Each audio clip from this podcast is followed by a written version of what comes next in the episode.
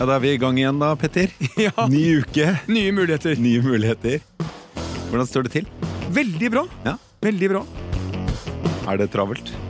Ja, det vil jeg si. Det er jo november, da. En ganske utrivelig måned. Utrivelig måned. Ja, Du er enig i det? Er du ikke det? Eh, første du klaga på når du kom inn døra, var at det var så kaldt. Ja. Det er jo iskaldt. Og så syns du november er trist. Ja.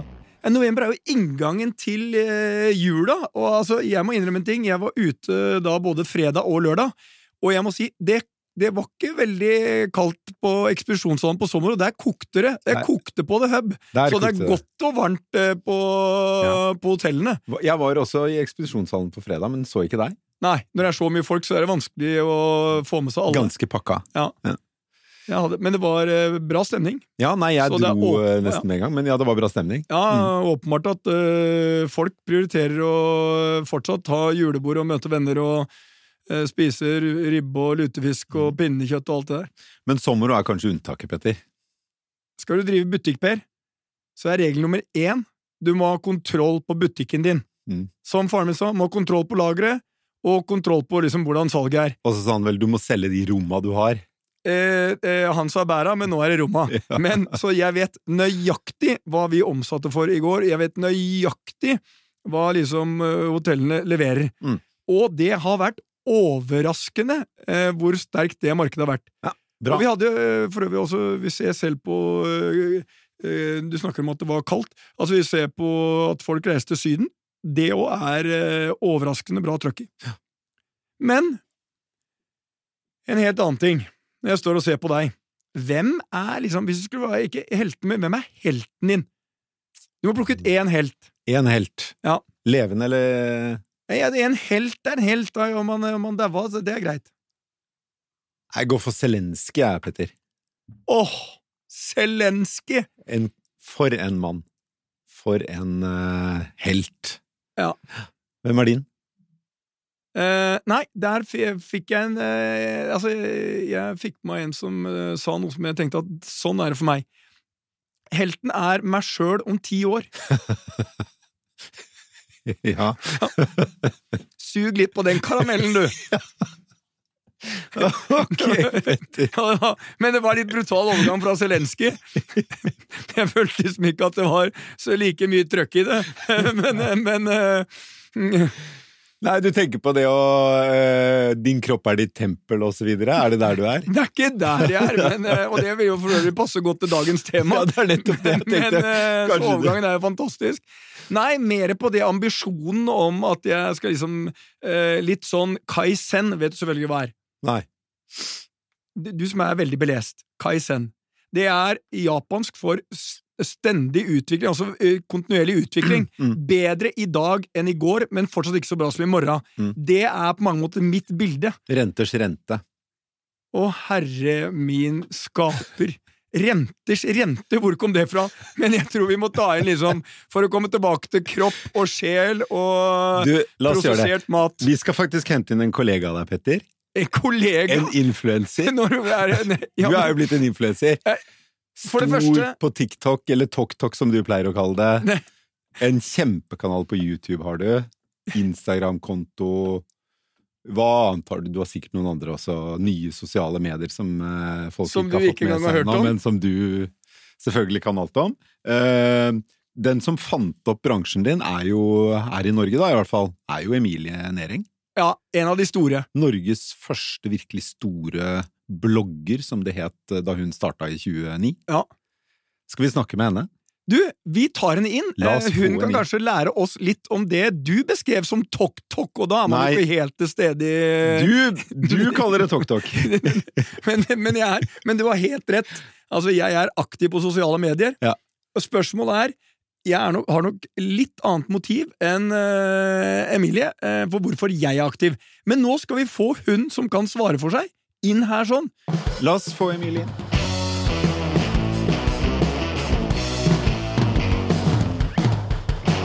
Se her, Petter. Her kommer Ja. bransjekollegaen din. Kommer han. Ja.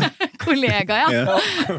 Du er så stor influenser, Petter. Føler du litt ærefrykt, Petter? Her kommer hun som Ja, det er litt skapte bransjen i Du føler at det er litt som en kvinnelig utgave av Zlatan som kommer inn på eh, banen. Ja. Wow, wow, wow. Ja. Men det er jo sant, Emilie. Du, eh, du var jo den første bloggeren, som det het eh, way back. Og vi skal jo ikke så langt tilbake i tid. Det er 29 du startet. Eh, Ja, altså i 2009 startet jeg, og jeg var jo ikke den første bloggeren, på en måte, men jeg var nok en av de som satte litt på eh, Altså, det ble mer og mer medieoppstyr rundt dette med bloggere og sånn i den tiden jeg startet, og jeg var jo det første, den første store bloggeren, Ja. vil jeg kunne tørre å si. Eh, Jeg startet i mars 2009, og så tok det faktisk bare fem måneder, så var jeg Norges mest leste blogger. Og jeg var, ble etter hvert sånn nesten trippelt så mye lest som den som var nummer to. Og så, ja. så det var en eh, vanvittig boom på den tiden, og jeg traff eh, med timing, men også sikkert litt med innhold, da. Den gang så var det tekst. Og bare tekst, var det ikke det? Eh, tekst og bilde. Og tekst videoer. bilde, ja. Var det Så- video? ja, det var video. Du var jo stor på YouTube også. Ja, faktisk. Eh, det var jo egentlig bare tilfeldig, fordi eh, blogget.no hadde en veldig veldig dårlig eh. Så jeg syns den var elendig, så jeg ville heller bruke YouTube og brukte HTML-koding inn i blogginnlegg og sånn. Her for å få- vi fra. Ja, for å bare få det til å se Ja, flott ut. vi skjønte det. Så jeg lagde jo bare YouTube-videoer som het sånn This is meant for my blog, not for YouTube. Og sånn skrev jeg det. Og så har jo de videoene over 20 millioner visninger. eh, Og ja, det, det, det var eh, Jeg tror nok det at jeg brukte den kombinasjonen av bilde og video og tekst og hyppighet, eh, både og den rask kontinuitet i videoene, sånn klippet innmari raskt. Men og sånn, det gjorde at jeg, det gikk bra, da. Ve- eh, Jeg er jo mest imponert. Du har fantastisk og vunnet masse priser og hederspriser, og det er, lista er lang. Men det jeg er mest imponert over, det er businessen din. Altså, jeg tror veldig få er klar over at du var jo blogger var på YouTube, og så la du ned, og så begynte du igjen. Mm. Eh, men eh, det får jeg klar over, det at du har liksom en inntekt som sannsynligvis, jeg har ikke fått de nye tallene, begynner å nærme seg fire millioner, og du tjener mellom halvannen og to. Det er imponerende. Det er noe sånt, ja. Ja, ja, nei, altså, jeg fikk bare sånn 22-tall, eh, så 23 la jeg til litt for at det har blitt litt bedre. Mhm. Det er imponerende. Eh, så har, har det vært en målsetting for deg når du begynte at du skulle kunne leve av det? Nå lever du jo veldig godt av det, åpenbart. Mm. Altså, da jeg startet i 2009 og var 13 år, så var det jo selvfølgelig ingen målsetning. Eh, da var det jo veldig tilfeldig at jeg ble så stor. Og så var det litt sånn Jeg sluttet jo Jeg har sluttet både med blogg to ganger, så jeg har sluttet på tross av at det har vært en eh, grei inntekt. Eh, men eh, det som alltid har vært viktig for meg, er å skape min egen arbeidsplass der jeg trives skikkelig godt. Og det er derfor jeg sluttet å blogge to ganger tidligere, fordi det, det har ikke vært en så ålreit arbeidsplass lenger. Så den gangen når jeg startet på nytt med ernæring og tok utdannelse, så var det fordi jeg ville jobbe med ernæring, men på en måte hvor jeg kunne nå ut til ganske mange mennesker, og ikke bare drive med én-til-én Men var det sånn eh, når du eh, gjorde comeback i sosiale medier på ernæring, var motivet ditt da litt sånn eh, 'jeg skal hjelpe det norske folk å bli sunnere', eller var det litt 'her tror jeg det ligger også et marked'? Du, det var faktisk veldig lite dette med marked. Så du Eh, tenkte ikke på pengene? Nei, altså innenfor ernæring så er det ekstremt få jobber. Eh, Og jeg søkte faktisk masse jobber først, før jeg eh, lagde den Instagram-kontoen jeg har nå. Eh, Og hadde veldig genuint eh, ønske om egentlig å jobbe sånn i et team der man jobber med ernæring og får folk til å bli sunnere, eller på en overvekstklinikk, eller liksom det, det, sånne steder. da. For du har en bachelorgrad i ernæring. Bachelorgrad i ernæring, så Ja. jeg kan ikke jobbe på sykehus og være ernæringsfysiolog. Jeg hadde også ønske om å ta master, men så eh, skjønte jeg at det, det var ekstremt krevende for meg både å- bare for praksisplass, altså innenfor noe som helst. Og hver, hvert eneste sted jeg søkte, ville jo heller at jeg skulle jobbe som medieansvarlig enn Ja. ernæringskonsulent, da. Så, Emilie, da kunne du like så altså, jeg drive din egen. da kan du drive med det egen. Så Ja. det er veldig, men jeg, jeg må jo si, jeg er jo veldig glad for at det er et marked innenfor ernæring og helse. Mm. Eh, fordi For meg er det jo sånn, det er ikke sånn at jeg er imot at man, noen skal tjene penger på noe som helst. Jeg vil at det bare ikke skal gå på, på, eh, på bekostning av folks eh, ve og vel. Da. Eh, og nå føler jeg at jeg faktisk kan drive min egen eh, business, men som fortsatt bidrar til noe positivt. Mm. Eh, så for meg er det her den beste arbeidsplassen jeg kunne hatt. Da. Petter, du sa jo da vi snakka sammen for noen uker siden, at du er sånn ti av ti på opptatt av egen helse. Var det ikke det? Det var ti av ti. Ja, altså, Ja. Altså, Hvor får du all Du, Nei, som, du sa jo altså, det, vi du som har vært eh, redaktør og den der, hva heter den der Vær varsom-plakaten? Da skal du liksom ha bra liksom, kontroll på hva du siterer meg på. Ja, Var det ikke ti av ti? Nei, Hva var det da? jeg er eh, opptatt av Men eh, nå skal, jeg skal begynne i andre enden. Jeg skal si deg et spørsmål. Hvorfor tror du Emilie, vår fantastiske gjest i dag, totalt saga eller ødela min frokost i dag? Jeg begynte å tenke over alt jeg hadde og tok med, og la oss ta rekkefølgen. Først så dro jeg det, og nå kan eh, Ja, den frokosten din, du, du, du dro i den sted. Men det, det Men har vi ikke tid til, for det Nei, var så mye det på det frokostbordet. Ja, men jeg skal ta den veldig kort her for Emilie. Så. Jeg hadde da kaviar med egg, men mye kaviar. Eh, på litt lyst brød. Og så hadde jeg svært eh, leverpostei, eh, og der drar jeg ofte også litt rekesalat oppå. Og så hadde jeg da Rekesalat ja, oppå det er er- leverposteien? Den er majones i. Og så har jeg rekesalat med eh, salami på toppen. oi, oi. Ja, Men så kommer den sunne delen med eh, nypressa rekesalat eplejus og blåbær og sjokolade, mørk sjokolade. Men hvorfor fikk jeg litt eh, sånn eh, Jeg begynte å tenke over Hvorfor ødela Emilie litt frokosten min i dag? Ja, det lurer jeg faktisk på. Jo, for det var så mye prosessert, tenkte jeg! Kaviar er prosessert, leverpostei er prosessert, det var jo bare og er, er salami prosessert?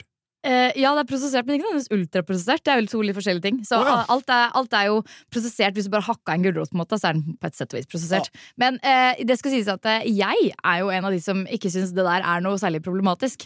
Jeg Oi, altså, så du dytter i deg ultraprosessert og prosessert mat? Altså, jeg vil jo påstå det, ja. Eh, men ikke på en måte Jeg har jo bevisst forhold til det, og det syns jeg egentlig er veldig sunt. ta en pølse, liksom? Eh, nei, altså jeg faktisk jeg, jeg forholder meg fortsatt mest til liksom, Helsedirektoratets eh, anbefalinger om at man skal unngå så mye bearbeida kjøtt, for eksempel. Eh, så jeg syns jo det er de viktigste retningslinjene. Og så er det masse interessant rundt det der at bare noe er ultraprosessert, betyr i seg selv at det kan kategoriseres som litt dårligere for helsa. Men jeg syns det har gått litt for langt med at eh, alt pålegg da, er jo, en, er jo stort sett ultraprosessert. Det finnes noen mer mindre prosesserte varianter, men det er ikke der skoen trykker sånn for folks helse. Man sier at du er en mann med god helse, og du trener og er aktiv. Og? Det er et eller annet med de, de store linjene da, som jeg syns fortsatt skal, skal gjelde da, i befolkningen. Så jeg, jeg kjemper egentlig litt for, eh, for balansen. Jeg, jeg er jo litt sånn som deg. Det er ett bilde man har på sosiale medier, at jeg er så jævlig aktiv, og så er det ett virkelighetsbilde. Så man angrer jo på noen ting her i livet. Hva angrer du mest på i den profesjonelle mm, blogg-influencer-tingen? som var, er, noe du angrer på du har gjort? Eh, faktisk ingenting jeg angrer på at jeg, at jeg har gjort. Heller eh, hva jeg angrer er på å ikke ha ja, men hva jeg ikke har gjort. Jeg angrer faktisk litt på at jeg sluttet å blogge første gangen. Uh, fordi jeg var jo on, uh, on a roll. Jeg ble jo kjent i 2009. Fortsatt inn i 2010 så ga jeg både ut musikk, jeg fikk spørsmål om å delta i flere filmroller, og fortsette med musikken. Men det måtte gå litt på tross av skolen, og det ville ikke vi egentlig at jeg skulle måtte slutte på ungdomsskolen akkurat, da, for å drive med sånne ting. Så, eh, og så var det det at det, det var, jeg var så fersk, alt var så ferskt og nytt at eh, jeg ble helt overveldet av denne nye tilværelsen med at jeg var så kjent og fikk så mye kritikk og ble så utstøtt plutselig fra ulike kretser i Hønefoss. Jeg var litt sånn, det her orker jeg ikke lenger, så jeg bare la ned alt og slutta. Og jeg skulle på sett og vis, når jeg ser tilbake igjen, ønske Det, det har vært veldig interessant å se hva hadde skjedd videre, da, hvis jeg hadde klart å holde den mentale helsa stabil. Ja. Så ja. Um, men eh, når du er, eh, er nær, du, når du er blogger, eller du er jo ikke blogger nå, influenser, Ja. uh, med Du sier det som med et smil! Ja, men det er jeg Det er en jobb. Ja, det er absolutt en jobb. Det bare Altså det entourage, jeg tipper at Hvis du spør Emilie, så har hun, hun, har, hun har sikkert kommunikasjonsfolk og strateger og fotografer og For du må ha et eller annet på de forskjellene mellom driftsinntekter og driftsresultat der, sånn, gjør at du har noen ansatte. ja, Men det er vel Nei. lønn? Har du ikke Jeg, ansatte? jeg gjør alt selv. Gjør du det? Mm. Jeg er kontroll, litt kontrollfri. Jeg skulle gjerne hatt litt mer sånn hjelp på enkelte ting, men jeg er jo, blitt, jeg er jo en innholdsprodusent, ikke sant? Sammen med det å ha næringsbakgrunn, så er jo Jeg lager bare innhold kontinuerlig. Ja. Altså, jeg har management, da, men jeg har ikke noe ansatt. Nei, men jeg, jeg tror at jeg tror Petter har helt rett i at jeg sier influenser med et litt sånn smil. om munnen, Ja. men det er fordi jeg syns at det ordet er så utrolig dust. ja, Og så har jeg ikke noe bedre ord på det. Ja. Men ok. Eh, men da du, du starta som blogger som 13-åring og fikk en vanvittig following, og da var det jo mye Jeg leste ikke den bloggen, men, men da antar jeg at det var veldig mye som ten, hva tenåringsjenter er opptatt av. Smått og stort fra klær til gutter til kropp til venner til hva man skal hverdags, studere eller hverdagsting, ikke sant? Mm. Og i dag, eh, tross alt bare 13-14 år senere, så eh, er du opptatt av ernæringsfysiologi og, Mm. og temaer som kropp og helse og sånn. Hvordan opplever du at den, eh, det spranget har gått? Er det sånn at mange tenker ja, men hun skriver jo bare om eh, eh, småjenteting? Møter du deg selv litt i døra på det som nå er en ganske annen rolle i offentligheten enn den du hadde da du begynte? Eh, faktisk ikke, men jeg har jobbet ekstremt bevisst eh, med en form for rebranding og reposisjonering der. Eh, så da jeg kom tilbake igjen i rampelyset i 2019 eh, og hadde fått en utdannelse, så var jeg både Jeg lagde en helt ny konto. Jeg slettet jo den forrige Instagram-kontoen jeg hadde. Selv om jeg hadde over 200 000 følgere på den, så slettet jeg og bygde opp en helt ny. Med Emilie Nutrition, sånn ernæring var i navnet. Og jeg var veldig nøye på hva jeg ville ha ut av det. Jeg ville jo skrive både kokebøker, jeg ville jobbe med ernæring, jeg ville eh, ha de type eh, jobbene der. Jeg var ikke opptatt av å være en klassisk influenser, da. Mm. Så jeg droppet jo da å legge ut Jeg legger jo ikke ut noen outfit-bilder eller sånn innmari mange selfies eller skriver om alt mulig. Altså, jeg holder meg liksom til en nisje, og det tror jeg er en ganske viktig nøkkel til suksess også. For det jeg syns er kult der, i det du beskriver, det er at når du da øh, relanserer deg selv øh, som offentlig person med, og med et Mhm. nytt tema, så tar du en stor risiko i det å slette en konto med 200 000 følgere. Helt klart. Mange ville jo ikke gjort det. De ville tenkt at her ligger det en mulighet til å dra brukerne over i en ny, en ny Emilie. Mm. Vurderte du det? Altså, det, som er sånn, det, her, det her hadde jo vært lurt, vil jeg egentlig si. Men greia er at det, når, du, når jeg jobber med meg selv altså Jeg er jo også litt privatperson oppi dette her. Så jeg måtte jo tenke hva slags følgere er det jeg vil ha. Eh, hvis du bare behandler eh, skulle, Hvis jeg bare skulle behandle det som en bedrift, så ville jeg tenkt at måte, så mange følgere er veldig gunstig. Mm. Og man kan fortsatt få nye følgere, så behold de, og så bare endre innholdet. Eh, og det, det rådet fikk jeg vel fra, liksom, fra broren min også, som er sånn Hvordan i alle dager kan du legge ned en sånn konto? Men for mitt vedkommende så var jeg litt sånn Jeg var jo ikke interessert i å være eh, blogger og influenser lenger. Mm. Da jeg slettet blogg og Instagram. Og jeg var heller ikke interessert i å ta vare på en konto med så mange gamle følgere, som kanskje ikke nødvendigvis ville meg noe godt. Eh, på en måte. Altså, de var, var det for å snoke, eller mye utenlandske følgere? Da? Og jeg syns jo det er viktig å bygge opp et sterkt eh, eh, norsk publikum før man går noe utover det. Så jeg var eh, opptatt av å bygge opp et litt nytt eh, publikum, da. og det er jeg veldig glad for, fordi de følgerne jeg har i dag, er jo helt fantastiske. Og det er, jo, du har jo flere følgere i dag enn du hadde når du la ned. Du har vel Ja. 230 000-40 000 følgere bare på Instagram. Stemmer. Som er, eh, det er vel en av Norges største innenfor det området du er. Ja, Eller er du det størst? Det er det. Altså, det er vel, eh, hvem er det som kan være større enn meg på mat på Instagram? Lurer på om Hellstrøm har flere. Ja, men Hellstrøm han har reklameplakater kontinuerlig i TV og sånt. Også. ja, det er men, men vanskelig å konkurrere med han. Hva er det altså. du lever av, Emilien, eh, eh, av kontoen din? Hva, hva, hvor er inntektene dine? Jeg har jo fått eh, kunder, eller samarbeidspartnere, eller hva man skal kalle det, da, som Mm. la, har annonser på min Instagram. Så jeg produserer jo innhold for eh, folk, eh, eller for merker som jeg liker. Mm. Så det er det jeg har brukt litt tid på. Jeg, brukte, jeg tjente jo veldig lite, vil jeg si, første altså, Jeg var jo med på Skal vi danse, som boosta jo veldig min, eh, min nye konto da jeg kom tilbake inn i rampelyset. Men eh, så jeg har vært veldig nøye på hvem jeg har som samarbeidspartnere. gikk det bra i Skal vi danse? Jeg fikk fjerdeplass. Ja, men det er bra. Det det er ganske bra bra. Ja, per, hvordan tror du du hadde gjort i Skal vi danse? Siste. Røkt ut i første episode. røkt ut i første Nei, altså, De har jo noen sånne de, som, som ikke blir stemt ut fordi det er stor glede bare å se de på dansegulvet. Ja, ja, det kan hende. Ja, det var, Ja, men det er- Kanskje du røkte ut i tredje episode eller noe sånt, fordi det var så han det var så høy høy underholdningsfaktor i å se han fyren der. Dansepartneren er så blå på legget at det er bare ikke mulig.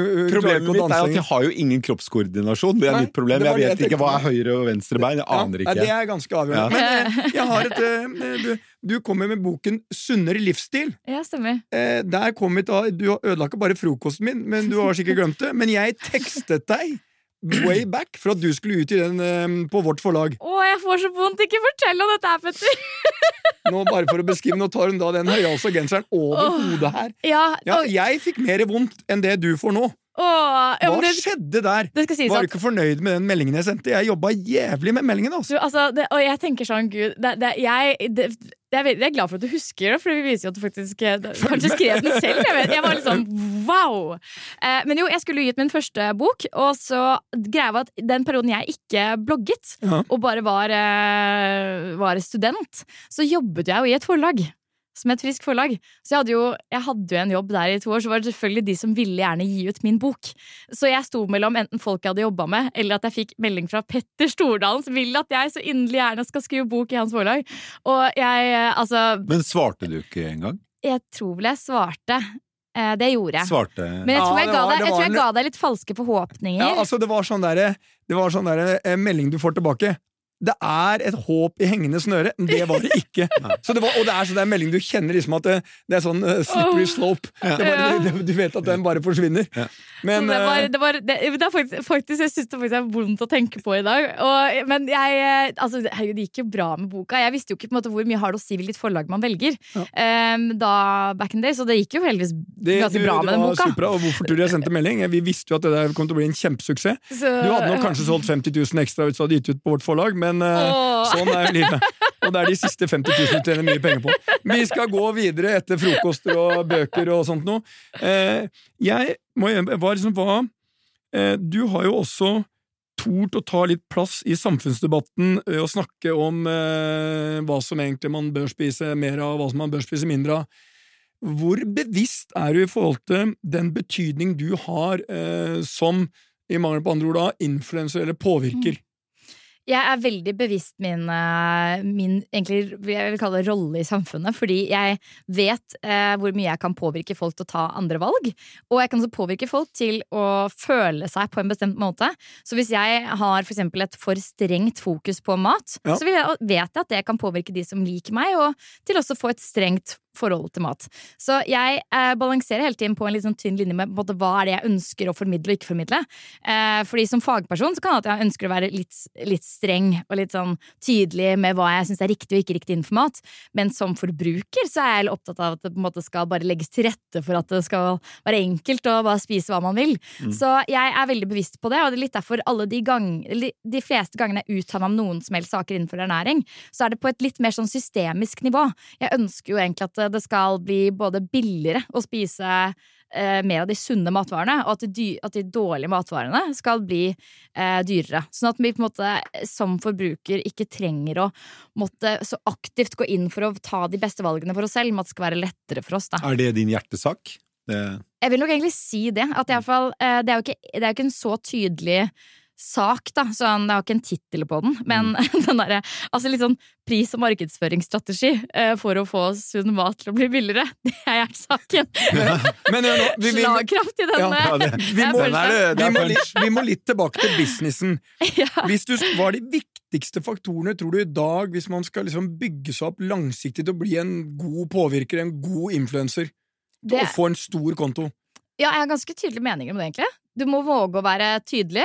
Og ha litt nisje. Eh, ikke en altfor streng nisje, men finne en enten hjertesak, lidenskap eller en tydelig greie på hvem er jeg, hva er det jeg ønsker å eh, hva Hvordan skal folk kjenne meg igjen i, i denne mengden av influensere? Eh, så du må ha en tydelig sak. Eh, og så må du våge litt å være sårbar og litt sånn deg selv. Fordi hvis du eh, bare er eh, du, du må vise litt ansikt, da, faktisk, for å bli påvirker og influenser. Pe- Petter skriver, han, Petter skriver her på et ark til meg om Ja, han vil at jeg skal stille et spørsmål, og det er jo ikke overraskende et spørsmål som setter Petter i sentrum. Ja, ikke sant? Jeg Så forteller det til Emilie, hva synes Du skjønte jo ikke hva jeg skrev! Jeg har skrevet tre ganger!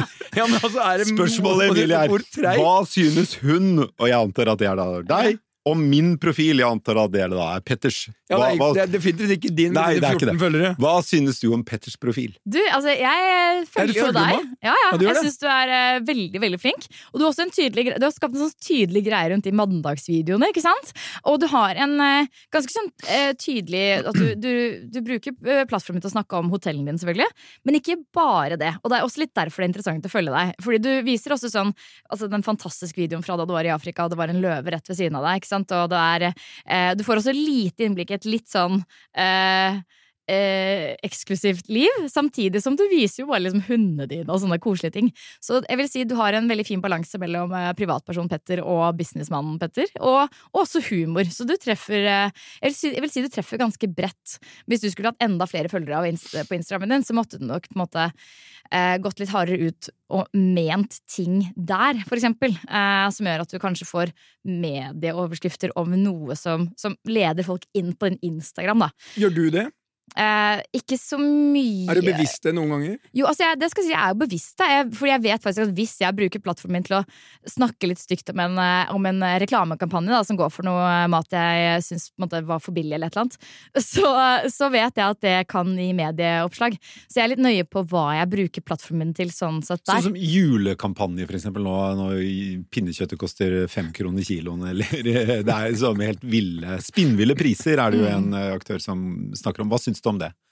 Ah, altså, det, det, er vanskelig, akkurat fordi at jeg syns jo at folk skal ha romsligere økonomi. Så på en måte hvis de kan spare penger i jula når det er så mye gaver man skal kjøpe, og sånne ting, syns jeg det er positivt. Og det er ikke noe vi spiser året rundt, så heller, da fokuserer jeg kanskje heller på hvordan du kan bruke opp pinnekjøttrester. da, ja. Sånn at ikke du ikke kjøper mer enn du trenger, og så ender du opp med å kaste kjøtt fra et nydelig lam. Eh, så det er et sånt, det er, det er litt at da skjer den approachen. Mens ellers rundt i året så tror jeg også at eh, det ekstreme fokuset vi har på snacking og noe på fart og liksom eh, en pølse til 15 kroner. Det er de kampanjene jeg syns er litt verre. Mm. Og så syns jeg de tråkker over en grense hvis de begynner å ta emosjonelle budskap inn i det. da. At du skal gjøre det fordi du er sliten, eller fordi barnet ditt maser og sånne ting. Eh, som har vært en eh, reklamekampanje Narvesen hadde i mai. Som knytter mai. mat til det å ha det bra i hverdagen? Ja, eller, og liksom, eller være stressa og ha det litt vondt. Og så ta, ta deg liksom Du fortjener i dag en, en kanelbolle eller en pølse, for det har vært en litt tøff dag. Mm. De emosjonelle budskapene der vil jeg ikke at, man, at, at merkevarer skal begynne å knytte henne tidligere, Og da sier jeg jo ifra. Tenker du noen gang på at uh, Jeg skrev det faktisk uh, litt sånn uh, mer reklame. I min andre bok så skrev jeg om i den gang bloggere og influensere. Mye bloggere, og sa at disse kommer til å ryste de største mediehusene i Norge. Tenker du noen gang på at du har større påvirkning på det du skriver og treffer dine 230 000-40 000 følgere, enn det du har om du går ut med en helsides uh, annonse i Norges største tabloid VG. du, For det er altså, sannheten. Altså, du, treffer, du, treffer, flere folk enn det hvis jeg hadde bestilt en annonse. Kunne jeg velge, Skal jeg velge en firefarger i VG, helside, eller skal jeg velge en annonse hos Emilie? Mm. Da ville jeg truffet flere der. Tenker du hvilken makt det ligger i det i forhold til å selge mer og øke inntektene dine fra 3,5-4 millioner eh, til 10? Du, altså, Det der er et veldig godt poeng. Jeg burde jo ta mer, mye mer betalt. Nei, men det skal sies at jeg, en ting jeg er litt opptatt Hva koster et innlegg hos deg? Eh, jeg vil faktisk ikke si det. Du vil ikke si Fordi det? det er, det er et eller annet med sånn Det er vel dynamisk prising der, vil jeg tro. Det, ja, altså, Hvor mange innlegg legger du ut uh, med reklamegreier, har du? Det varierer veldig på året, egentlig. Det er noen måneder jeg ikke har noen ting. Sånn I sommerferien så er det alltid stille, og januar er ofte ganske stille. Uh, og desember kan være ganske full, men jeg ønsker å ha en litt mer chill uh, jul. Ja, så jeg vil si på en måte én i uka, kanskje. Ja, I snitt fem, vil jeg nok si maks, da.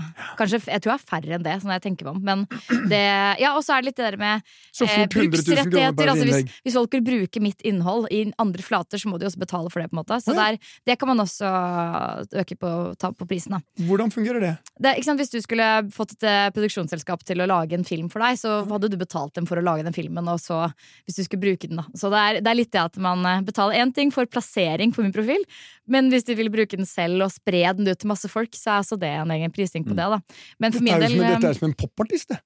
Ja, det høres jo litt sånn ut. streaming, nei. Ja, det er streaming. ja, også litt at man ikke skal eh, Altså dette med liksom merkevareslitasje. At hvis alle fordi Alternativet hadde vært at alle jeg samarbeidet med, bare kunne alltid bruke mitt innhold for alltid, og spre det og bruke det på annonser og liksom dra det opp på nettside. Altså Man må på en måte beskytte seg selv litt oppi dette her.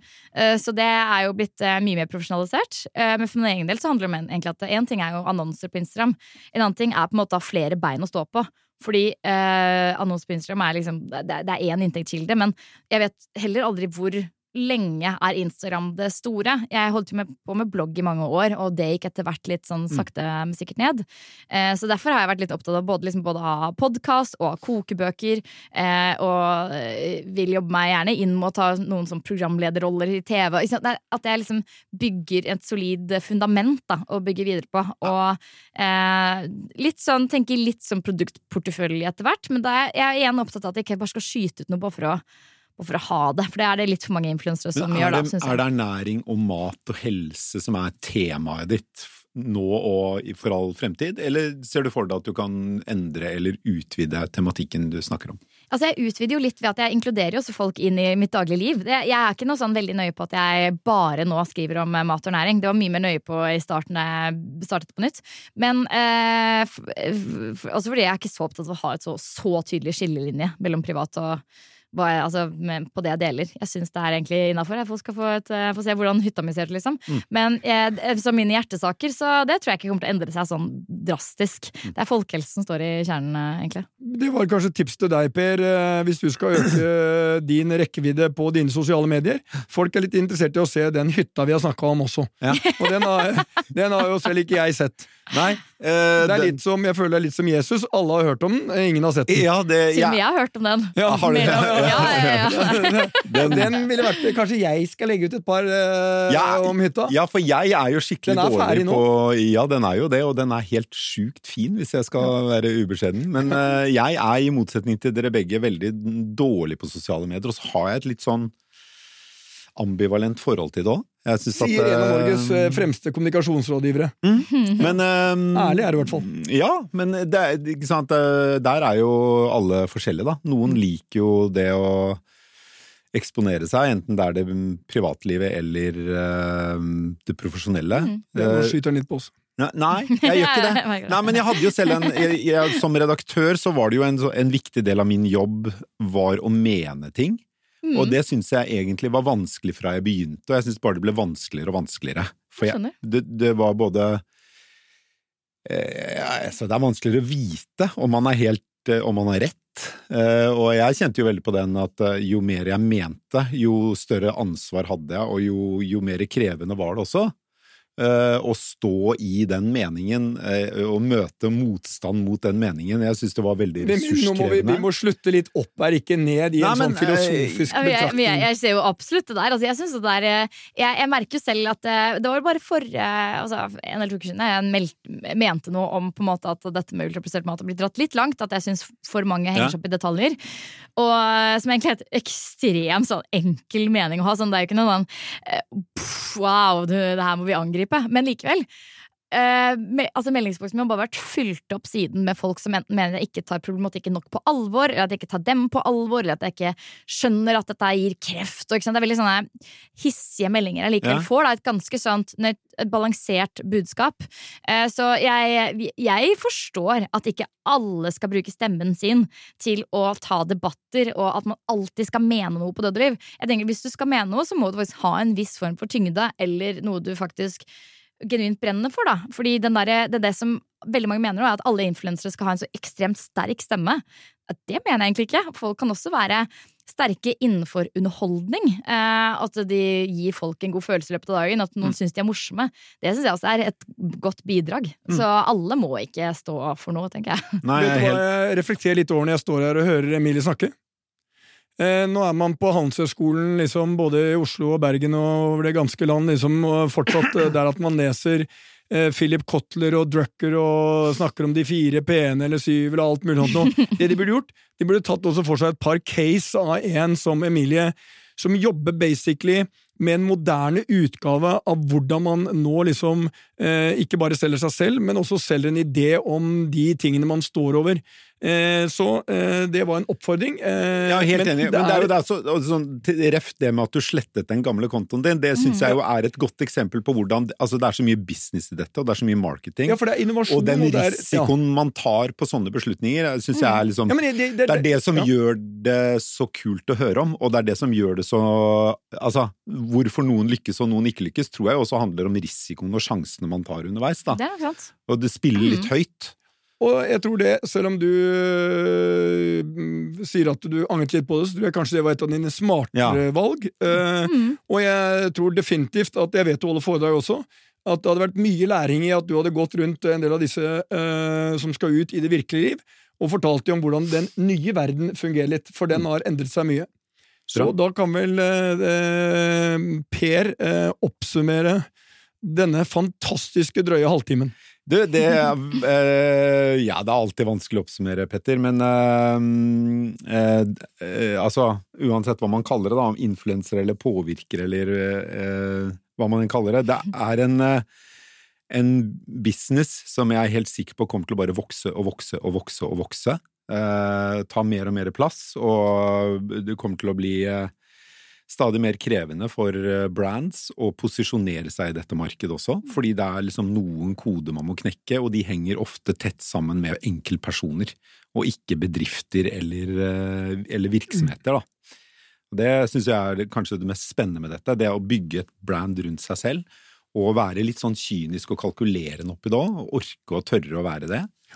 Det Ja. Så Jeg vil, jeg, jeg vil legge til, jeg syns det er, eh, var eh, spennende å høre på reisen din, og du er jo definitivt da eh, en businessperson som tenker business, men business med litt innhold, og at du kan stå for de tingene du legger ut, og det syns jeg også er eh, et veldig bra ståsted. Så jeg håper neste gang vi møtes, så er driftsinntektene dine dobbelt av det du har i dag, og da blir driftsresultatet desto bedre.